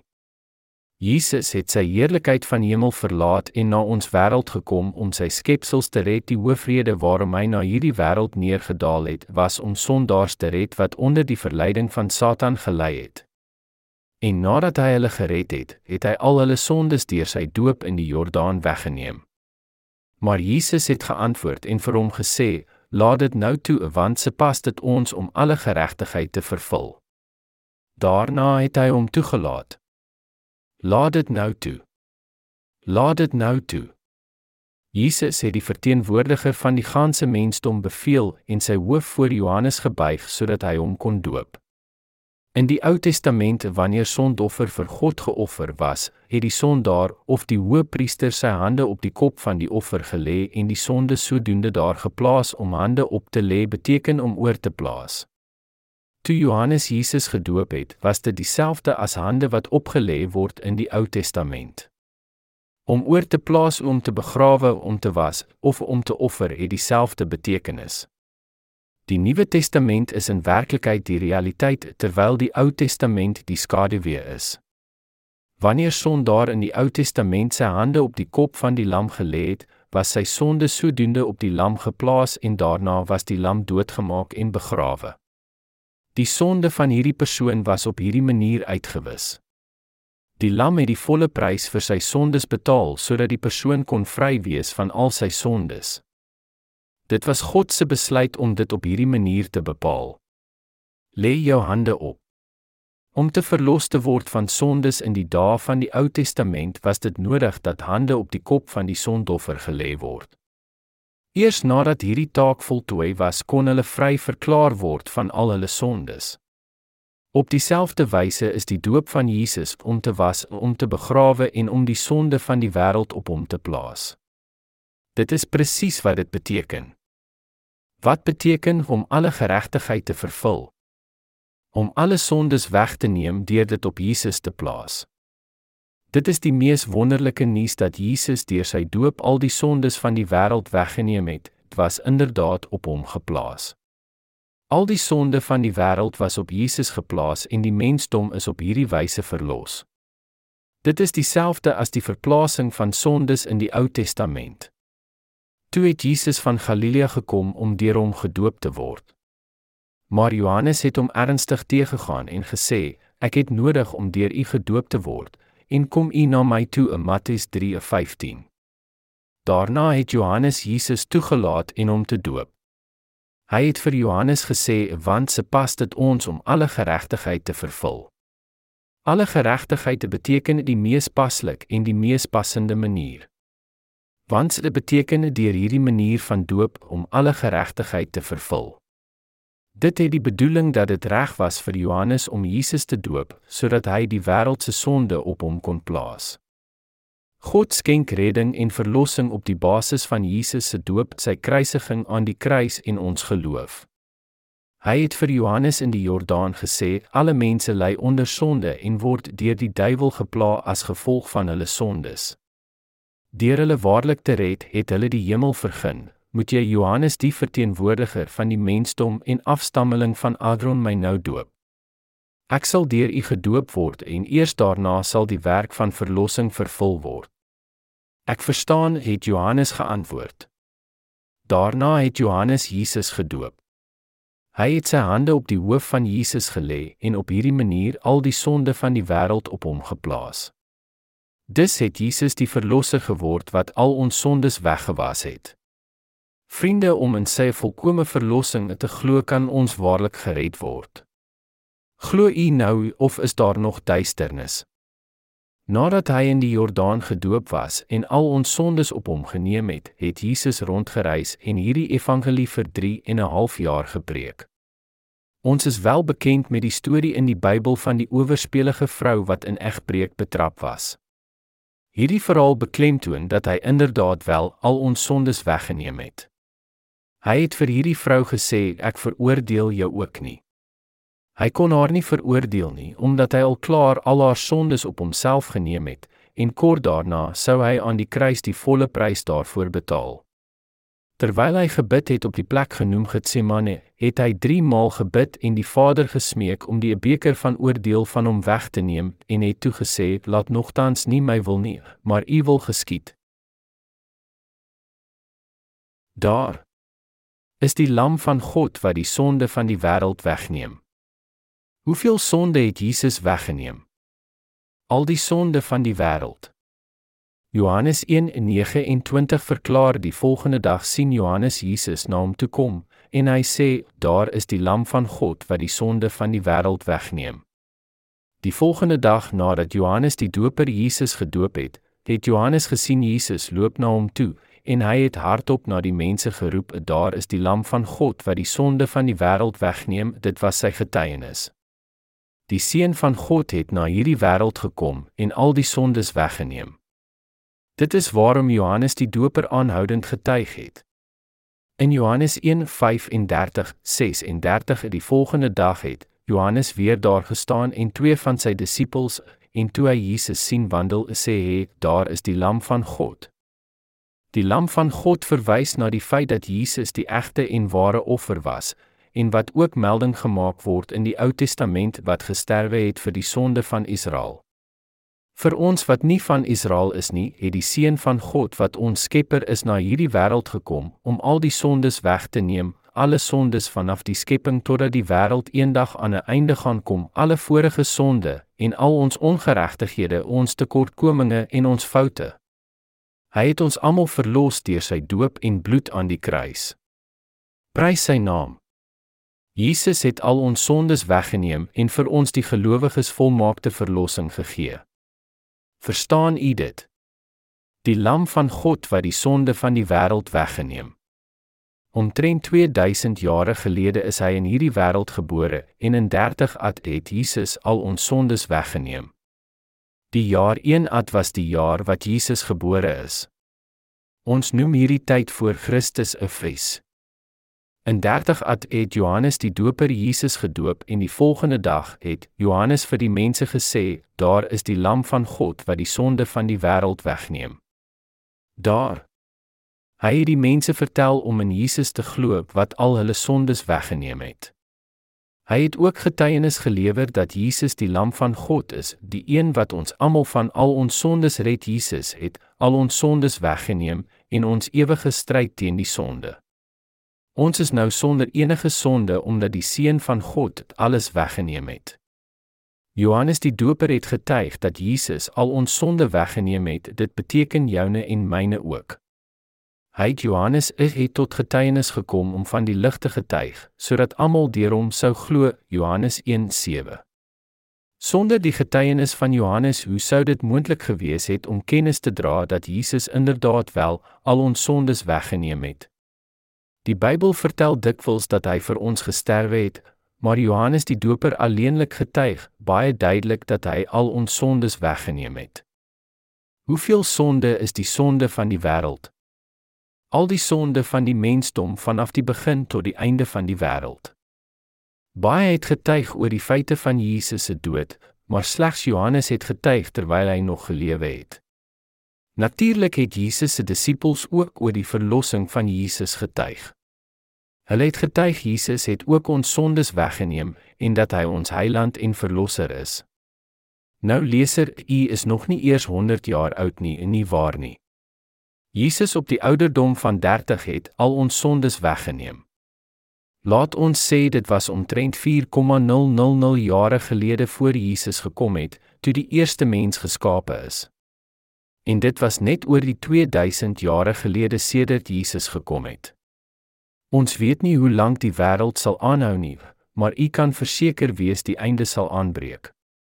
Hy sê ek is die alfa en omega, die begin en die einde, die eerste en die laaste. Openbaring 22:13. Wees verseker die einde sal kom. Ons is nou op punt wat die jaar 2002 aandui. Christus het al ons sondes in 30 ad weggeneem, en dit was 3 jaar voordat hy aan die kruis gesterwe het. Daar is die lam van God wat die sonde van die wêreld wegneem. Hy het al die wêreld se sonde weggeneem. Ons leef nou in die tyd wat omtrent oor die 2000 jaar gelede nadat Jesus gebore is en ons leef nou omtrent 2000 jare nadat Jesus al ons sondes weggeneem het. Nietemin ons leef nog met sonde wat ons daagliks doen, maar Jesus is die lam van God wat alreeds al hierdie sondes weggeneem het. Ons begin om in hierdie wêreld sonde te doen vanaf geboorte. Pleeg ons sonde vanaf geboorte of nie? Ja, beslis, laat ons weer deur die hele proses gaan. Vanaf geboorte totdat ons 10 jaar oud is, pleeg ons sonde of nie? Ja, beslis, dis is daardie sonde op Jesus geplaas of nie? Hulle is sedert alle sonde op Jesus geplaas is, is hy ons heiland en verlosser. As dit nie so was nie, hoe is dit moontlik dat hy ons heiland kon wees? Daar is geen argument nie, al die sonde van die wêreld is op Jesus geplaas. Vanaf die ouderdom van 11 tot 20 doen ons sonde of nie. Ons pleeg sonde in ons harte en in dade. Ons is baie goed met dit. Ons word geleer om nie sonde te doen nie, maar val plat op ons gesigte wanneer daar probeer word om geen sonde te doen nie. God sê aan vir ons dat al hierdie sonde is reeds op Jesus geplaas. Hy het vooruit geweet dat ons gedurig sonde sou doen en te swak is, daarom het hy dit alreeds weggeneem. Hoe lank is 'n leeftyd in hierdie wêreld? Ongeveer 70 jaar. As ons al hierdie sondes wat gedoen was gedurende die 70 jare bymekaar tel, hoe swaar dink u sal dit wees? As ons dit in 8 ton trok laai, sal ons waarskynlik met ongeveer 100 trokke vol sit. Stel jou voor hoeveel sonde gepleeg word gedurende ons leeftyd. Is hierdie sonde van die wêreld of is dit nie? Hulle is deel van die wêreld se sonde. Ons pleeg sonde vanaf geboorte tot op 10, 10 tot 20, 20 tot 30 tot die dag wat ons sterf, al hierdie sonde is ingesluit in die sondes van die wêreld wat alreeds op Jesus geplaas is deur sy doop. Ons Heiland Jesus die Christus. Hoeveel sonde het Jesus weggeneem? Al die sonde van ons voorouers en van ons afstammelinge tot die einde van die wêreld. Jesus vertel ons dat hy in die vlees gekom het en al ons sondes weggewas het. God het sy dienaar Johannes die verteenwoordiger van die mensdom vooruitgestuur om Jesus te doop, want Jesus kon homself nie doop nie. Dit is in die Bybel geskryf, hy word genoem 'n wonderbare raadsman, sterke God, ewige Vader, vredevors. Deur homself deur sy wysheid en deur sy raadsmanskap het hy die verteenwoordiger van die mensdom vooruitgestuur en daarna het Jesus die seun van God in die vlees gekom om al die sonde van die wêreld se weg te neem. Is dit nie wonderlike verlossingplan van God se voorsienigheid nie? Dit is wonderlik nie waar nie. Om net eenmaal gedoop te word deur Johannes die Doper, het hy die hele mensdom se sonde weggewas en eenmaal verlossing gebring vir die mensdom toe hy gekruisig is. Hy het deur sy regverdige dade en werke ons verlossing bewerk. U moet sorgvuldig oor hierdie dinge dink. Kom ons kyk na al ons sondes vanaf 20 tot 30, 30 tot 40, 50 tot 60, tot 70, tot 100 jare en ook die van ons kinders. Het hy al hierdie sondes uitgewis of nie? Ja, beslis. Hy is Jesus Christus, die Heiland en Verlosser van die mensdom. Sedert Johannes die Doper al ons sonde op Jesus geplaas het en omdat God dit so beplan het, kan ons volmaak verlos word en in hom met geloof glo. Was al ons sondes op Jesus geplaas of nie? Ja, beslis is ek en u sondaars of nie. Ons is nie meer sondaars nie omdat ons sonde alreeds op Jesus geplaas is. Wie durf dan volhard deur te sê dat daar nog sonde in die wêreld is? Jesus het voorwaar al die sonde weggeneem, daar is geen sonde meer nie. Hy het geweet dat ons sou sonde doen, dus het hy ook die sondes van die toekoms weggeneem. Sommige van ons is nie eers 50 jaar oud nie en sommige het nie eers helfte van hulle lewens gelewe nie, maar ek ook praat oor hulself asof hulle vir ewig sal lewe. Daar is groot getal van ons wat opstandige lewens lei. Laat ek dit so beskrywe. Wat is helfte van eendag vlieg se leeftyd? Om en by 12 uur verbeel gesprek wat so gaan. Grote genigtig. Ek het teen so en so man vasgevlieg en hy het my amper doodgemaak met vleeslaner. Sjoe. Ek was amper amper verpletter en weet jy ek het nie so onmenslike persoon in helfte my leeftyd ontmoet nie. Die vlieg het net 12 ure geleef en kon nie ophou praat oor hierdie voorval nie. Maar helfte van die vlieg se leeftyd is alreeds oor. Teen 7 of 8 kyk hy na die skemerlig van sy lewe en kort tyd daarna vrek hy. Sommige van hierdie vliee kan tot 20 ure en sommige 21 ure leef en ander leef tot die rype ou leeftyd van 24 ure. Hulle kon bymekaar gesit en gepraat het oor hulle lang leeftyd en ervarings, maar hoe lyk dit vir ons? As ons sê ons het tot 70 of 80 jaar geleef, sal ons waarskynlik opmerk, dis grap, moenie laat ek lag nie. Die vlees se ervarings is niks in ons oë nie. Laat ons hierdie gelykenis toepas met ons verhouding tussen God en ons. God is ewig. Hy besluit van die begin tot die einde van die wêreld. Omdat hy vir ewig leef en leef in ewigheid buitekant ons tyd, beskou hy ons van hierdie selfde posisie af. Daar was tyd toe hy die hele wêreld se sondes weggeneem het en aan die kruis gesterwe en verklaar dit is volbring. Hy het op die 3de dag van die dood opgestaan en terug na hemel opgevaar. Hy leef nou in ewigheid. Hy kyk af en beskou ieder en elkeen van ons. Een man mag sê, "O genigtig, ek het baie sonde gepleeg. Selfs al het ek net 20 jaar geleef, het ek so baie gesondig." En ander persoon, ek het al 30 jaar geleef en het so baie gesondig. Dit is net te veel. Hoe is dit moontlik om bevry te word van sonde? Maar vriende, ons Here van sy ewigheid perspektief sal antwoord: Moenie laat ek lag nie. Ek het al jou sondes weggeneem tot nou toe, maar ook jou voorouers voordat jy gebore was en al die sondes van al jou afstammelinge wat nog sal lewe lank nadat jy gesterwe het. Hy sê dit vir almal van sy ewigheidsperspektief af. Kan u dit begryp en glo? Glo dit vriende en ontvang die gawe van verlossing wat vrylik beskikbaar is. Daarna tree dan in die koninkryk van God met geloof. Daar is geen ander weg nie. Moet nie u self met u eie gedagtes beperk nie, maar glo in die woorde van God. Laat dit nou toe want se pas dit ons om alle geregtigheid te vervul die lam van God wat al die sondes van die wêreld weggeneem en geregtigheid volbring het. Het Jesus al die sondes van die wêreld weggeneem of nie?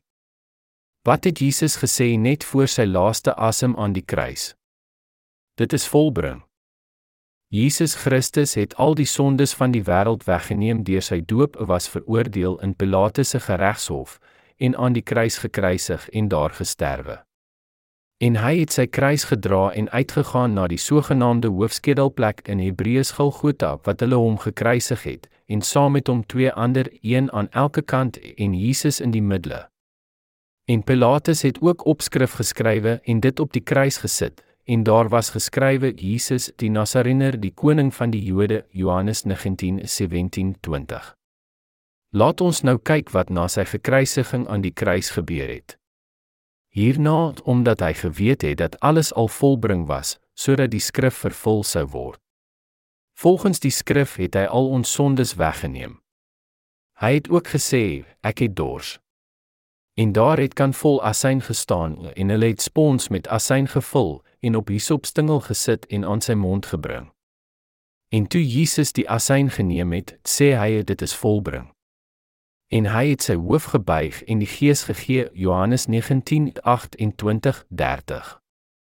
Nadat hy die suur asyn geproe het, het hy uitgeroep dit is volbring. Sy hoof gebuig en die gees opgegee.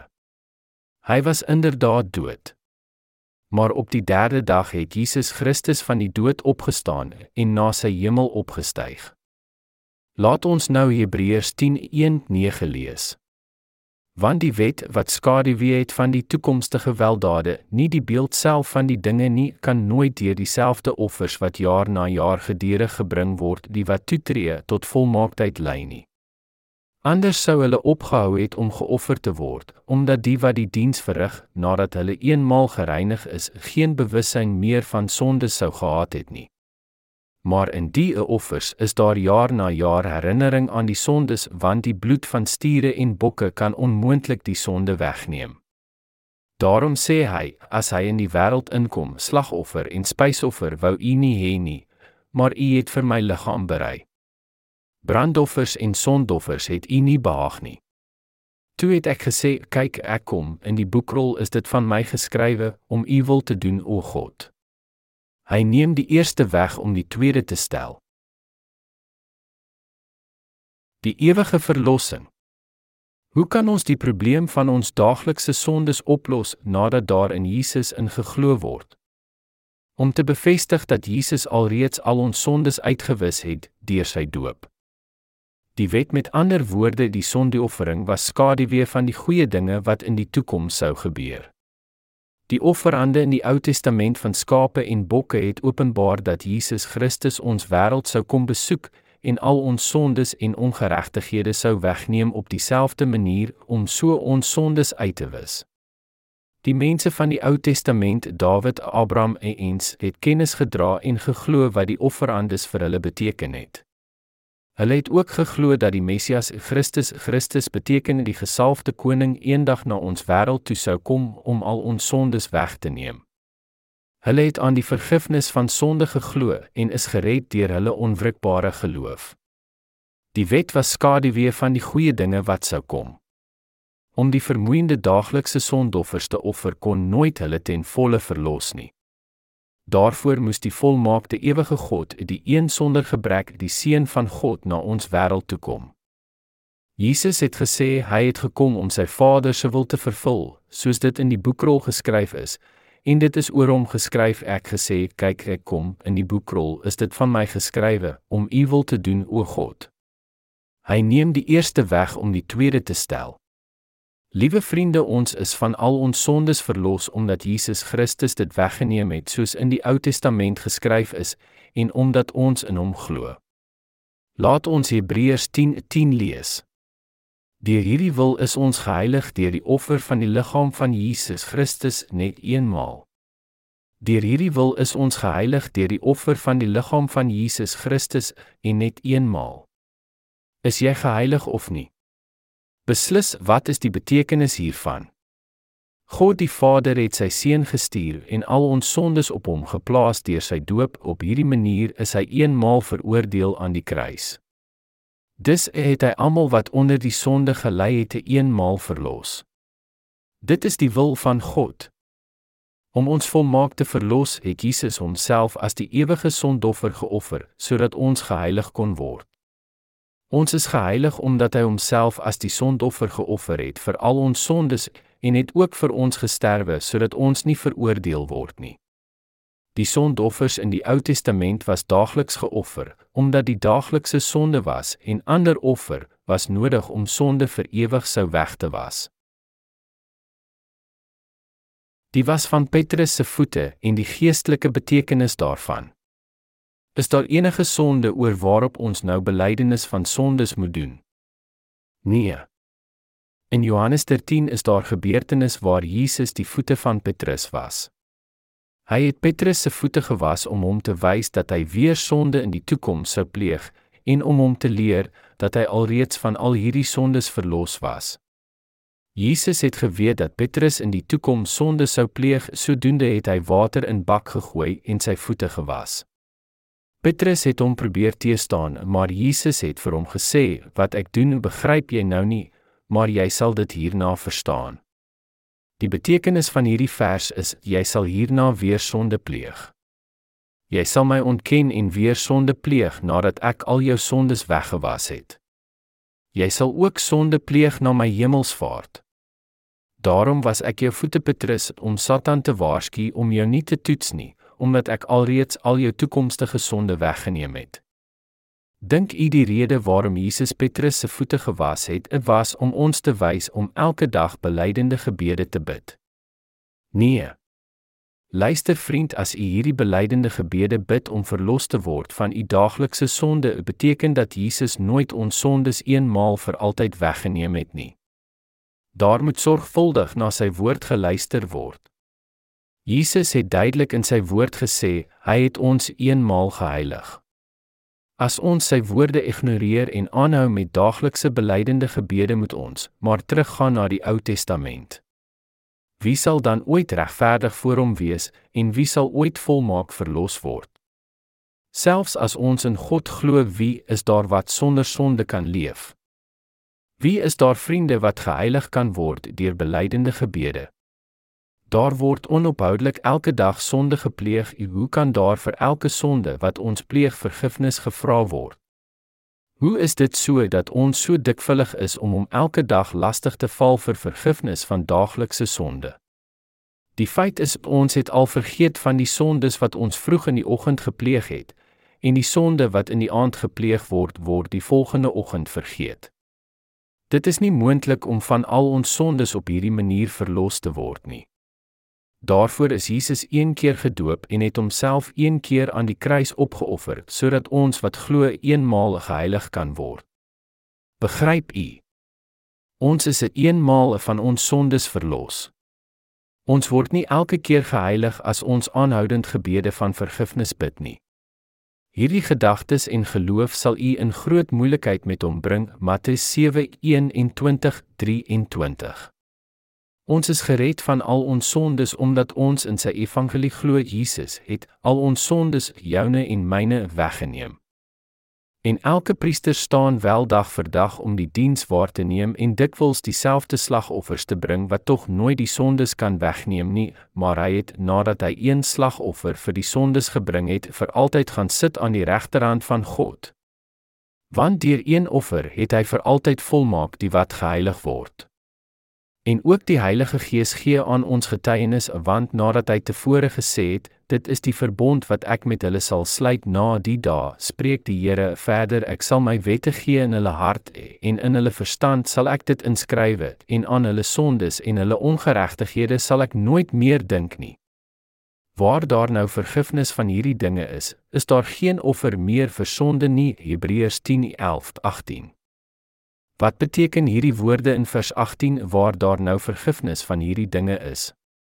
Dit beteken enige sonde wat dit ook al mag wees, is vir ewig uitgewis sonder enige uitsondering. God het die sonde uitgewis en ons vergewe, glo u dit? Waar daar nou vergifnis van hierdie dinge is, is daar geen offer meer vir sonde nie. Prys die Here. Laat ons nou van alles so ver opsomming doen. Sou Johannes die Doper nie sy hande op Jesus gelê het nie, en met ander woorde, sou hy nie Jesus in die Jordaan gedoop het nie, kon ons gered of verlos word. Nee, dit sou nie moontlik gewees het nie. Laat ons weer oor hierdie gebeurtenis nadink. Sou Jesus nie Johannes die Doper as die verteenwoordiger van mensdom uitverkies het nie, en al ons sondes deur hom oorgeplaas is nie, was dit moontlik vir Jesus om ons sondes weg te neem sonder hom? Nee. Die wet van God is regverdig. Dit is billik. Hy kon dit nie alleenlik net in woorde sê nie dat hy ons heiland is en al ons sondes weggeneem het nie.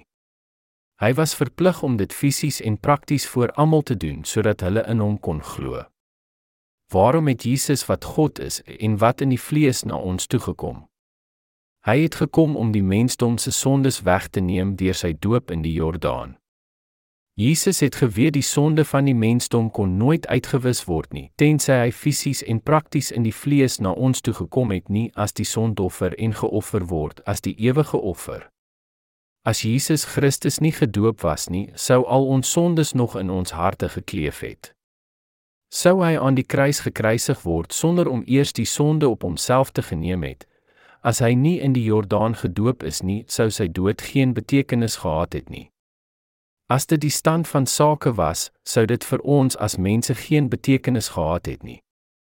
Vriende, toe Jesus op 30 jaar sy publieke sending begin het, het hy eers na Johannes die Doper in die Jordaan gegaan om gedoop te word. Ons moet oplet sy publieke sending het eers op 30 jaar begin en op 33 geëindig. In die Jordaan voor Johannes het hy sy hoof gebuig en vir hom gesê: "Laat dit nou toe, want se pas dit ons om alle geregtigheid te vervul." Dis dit is se paslik om op hierdie manier gedoop te word, sodat die mensdom gered en geheilig kon word. Dit is paslik vir ons om dit se te doen. Johannes doop my nou. Ja, vriende, Jesus Christus was op hierdie manier gedoop vir die verlossing vir die ganse mensdom. Ons Heiland en Verlosser is gedoop en al ons sondes is weggeneem. Omdat Johannes die Doper hande op hom gelê het en al ons sondes op hom geplaas het, het God sy gesig van hom weggedraai toe hy aan die kruis gesterwe het. Selfs al is Jesus sy enigste geliefde seun, moes hy aan die kruis geoffer word. God is liefde, maar hy het sy geliefde seun op hierdie manier laat sterwe. Die Bybel vertel ons na sy dood was daar vir 3 ure lank duisternis oor die hele land. Jesus het net voor hy gesterwe het uitgeroep Eloi Eloi lama sabachthani. Wat as dit vertaal word beteken my God my God waarom het U my verlaat? Jesus het al ons sondes na die kruis gedra en daar aan die kruis die volle oordeel betaal in plaas van ons. Dis op hierdie manier het hy ons almal volmaak gered. Ek sal dit herhaal sonder die doop van Jesus sou sy dood van geen betekenis wees nie. Is u sondaar of is regverdige persoon? Regverdige persoon met geen sonde in sy hart nie. Sou Jesus aan die kruis gesterwe het sonder dat hy deur sy doop al ons sonde weggeneem het, sou sy dood nie die verlossing tot stand gebring het nie. Om ons volmaak te red was Jesus inderdaad deur Johannes gedoop wat die verteenwoordiger van die mensdom was en is hy aan die kruis gekruisig sodat almal wat in hom glo op hierdie manier waarlik gered en verlos kan word. Daarom vanaf Johannes die Doper tot nou toe word die koninkryk van die hemel aangeval met geweld. Dit is so omdat Johannes die Doper al ons sondes op Jesus geplaas het en gevolglik is ons sondes versoen. U en ek het die ware wedergeborenes word nou toegelaat om God as ons Vader aan te roep en met vrymoedigheid die koninkryk van die hemel te betree. In Hebreërs 10:18 lees ons waar daar nou vergifnis van hierdie dinge is, is daar geen offer meer vir sonde nie. Vriend, is u nog sondaar? As Jesus alreeds al ons skuld betaal het, moet u nog van hierdie skuld afbetaal. Ons moet versigtig wees om nie deur die duiwel verlei word nie. Daar was sekere man wat groot drankprobleem gehad het en as gevolg van hierdie slegte gewoonte het hy groot skuld opgebou. Nietemin op dag het sy seun fortuin gemaak en al sy vader se skuld afbetaal. Sy vader was nou vry van skuld. Dit is presies wat Jesus vir ons gedoen het. Hy het betaal vir al ons sondes wat dit ook al mag wees. Nie net die sondes van ons leeftyd nie, maar vir al die sondes van die wêreld. Dit was alles op Jesus geplaas toe hy in die Jordaan gedoop is. Vertel my nou, is u nog sondaar? Nee, beslis nie. As ons kennis van hierdie evangelie van verlossing van die begin af besit het, hoe maklik sou dit gewees om in Jesus in te glo. Maar vriende, u kan sien hoe baie maklik dit is. Maar dit klink, maar net nie en baie mense voel ongemaklik wanneer hulle dit vir die eerste keer hoor. Dit is beslis die goddelike waarheid. Daar is geen ander weg nie. Hierdie evangelie is nie iets niets nie. Dit het voor die begin van die mens se geskiedenis bestaan. Ons het nog net nie daarvan geweet nie. Die evangelie van die water en die gees was altyd in die skrif en was altyd daar om toe te pas. Dit was daar van die begin af, maar ons was te blind om dit te sien. Dit is hier in die Bybel geskryf lank voor my geboorte. Dit was daar voor die skepping van die wêreld. Die evangelie van ewige verlossing. Wat moet ons nou voor God doen? Ons moet in sy evangelie van ewige verlossing glo. Jesus Christus het al ons sondes en ongeregtighede weggeneem, wat dit ook al mag wees, en dit alles volbring voordat u en ek gebore was. Is u nog met sonde belaai? Nee, u sal seker vra wat van die sondes wat ek môre of oormôre gaan doen. Dit vriend is ook ingesluit in die sonde van die wêreld. Laat ons befe. Môre se sondes uitsluit. Die sonde wat ons gedoen het tot nou toe is ingesluit in die sonde van die wêreld, dis hulle nie. Is top Jesus geplaas of nie? Ja, dit is. Dis die sonde van môre, is dit ook op hom geplaas. Ja, hy het alle sonde weggeneem sonder enige uitsondering. Hy het nie eers een agtergelaat nie. Die evangelie vertel vir ons om met ons hele hart te glo dat Jesus al ons sondes eenmaal weggeneem het en die volle prys daarvoor te betaal het. Die begin van die evangelie van Jesus Christus, die seun van God, Markus 1:1, die evangelie van hemel is die blye en vreugdevolle goeie nuus. Hy sê vir ons, ek het al jou sondes weggeneem. Ek is jou heiland en verlosser. Glo jy in my? Tussen die ontelbare mense op aarde het net klein getal geantwoord: Ja, Here, ek glo. Ek glo presies soos U my vertel het. Dit was so maklik toe ek dit die eerste keer gehoor het dat ek dit baie gou kon begryp. Diegene wat hul geloof in hom op hierdie manier getuig, word regverdig voor hom net soos Abraham was. Maar daar is ook ander mense wat sê, ek kan dit nie glo nie. Dit klink nuut en vreemd vir my. Hoekom is daar so baie mense wat nie hierdie evangelie glo nie? Nee, wat ek sal liewer saam met hulle staan. Julle is bedrieg. Dis vra hy vir hierdie skynheilige, geestelike, onkundige, ongehoorsame en arrogante mense: "Vertel my net, het ek al jou sondes weggeneem of het ek nie?" En hulle antwoord hom en sê: "Ek was geleer dat U ons oorspronklike sondes weggeneem en nie ons daaglikse sondes nie, en wat van U gebed wat U ons geleer het, onsse Vader wat in die hemele is, die Here God antwoord hierdie mense, ek kan sien julle is te slim, asook om te glo in al my woorde en werke. Julle moet dus almal in die hel gegooi word, omdat ek nie meer iets vir julle te sê nie. Daar is ongelukkig baie van hierdie mense in die wêreld. Om in sy volmaakte verlossing te glo, is ons gered.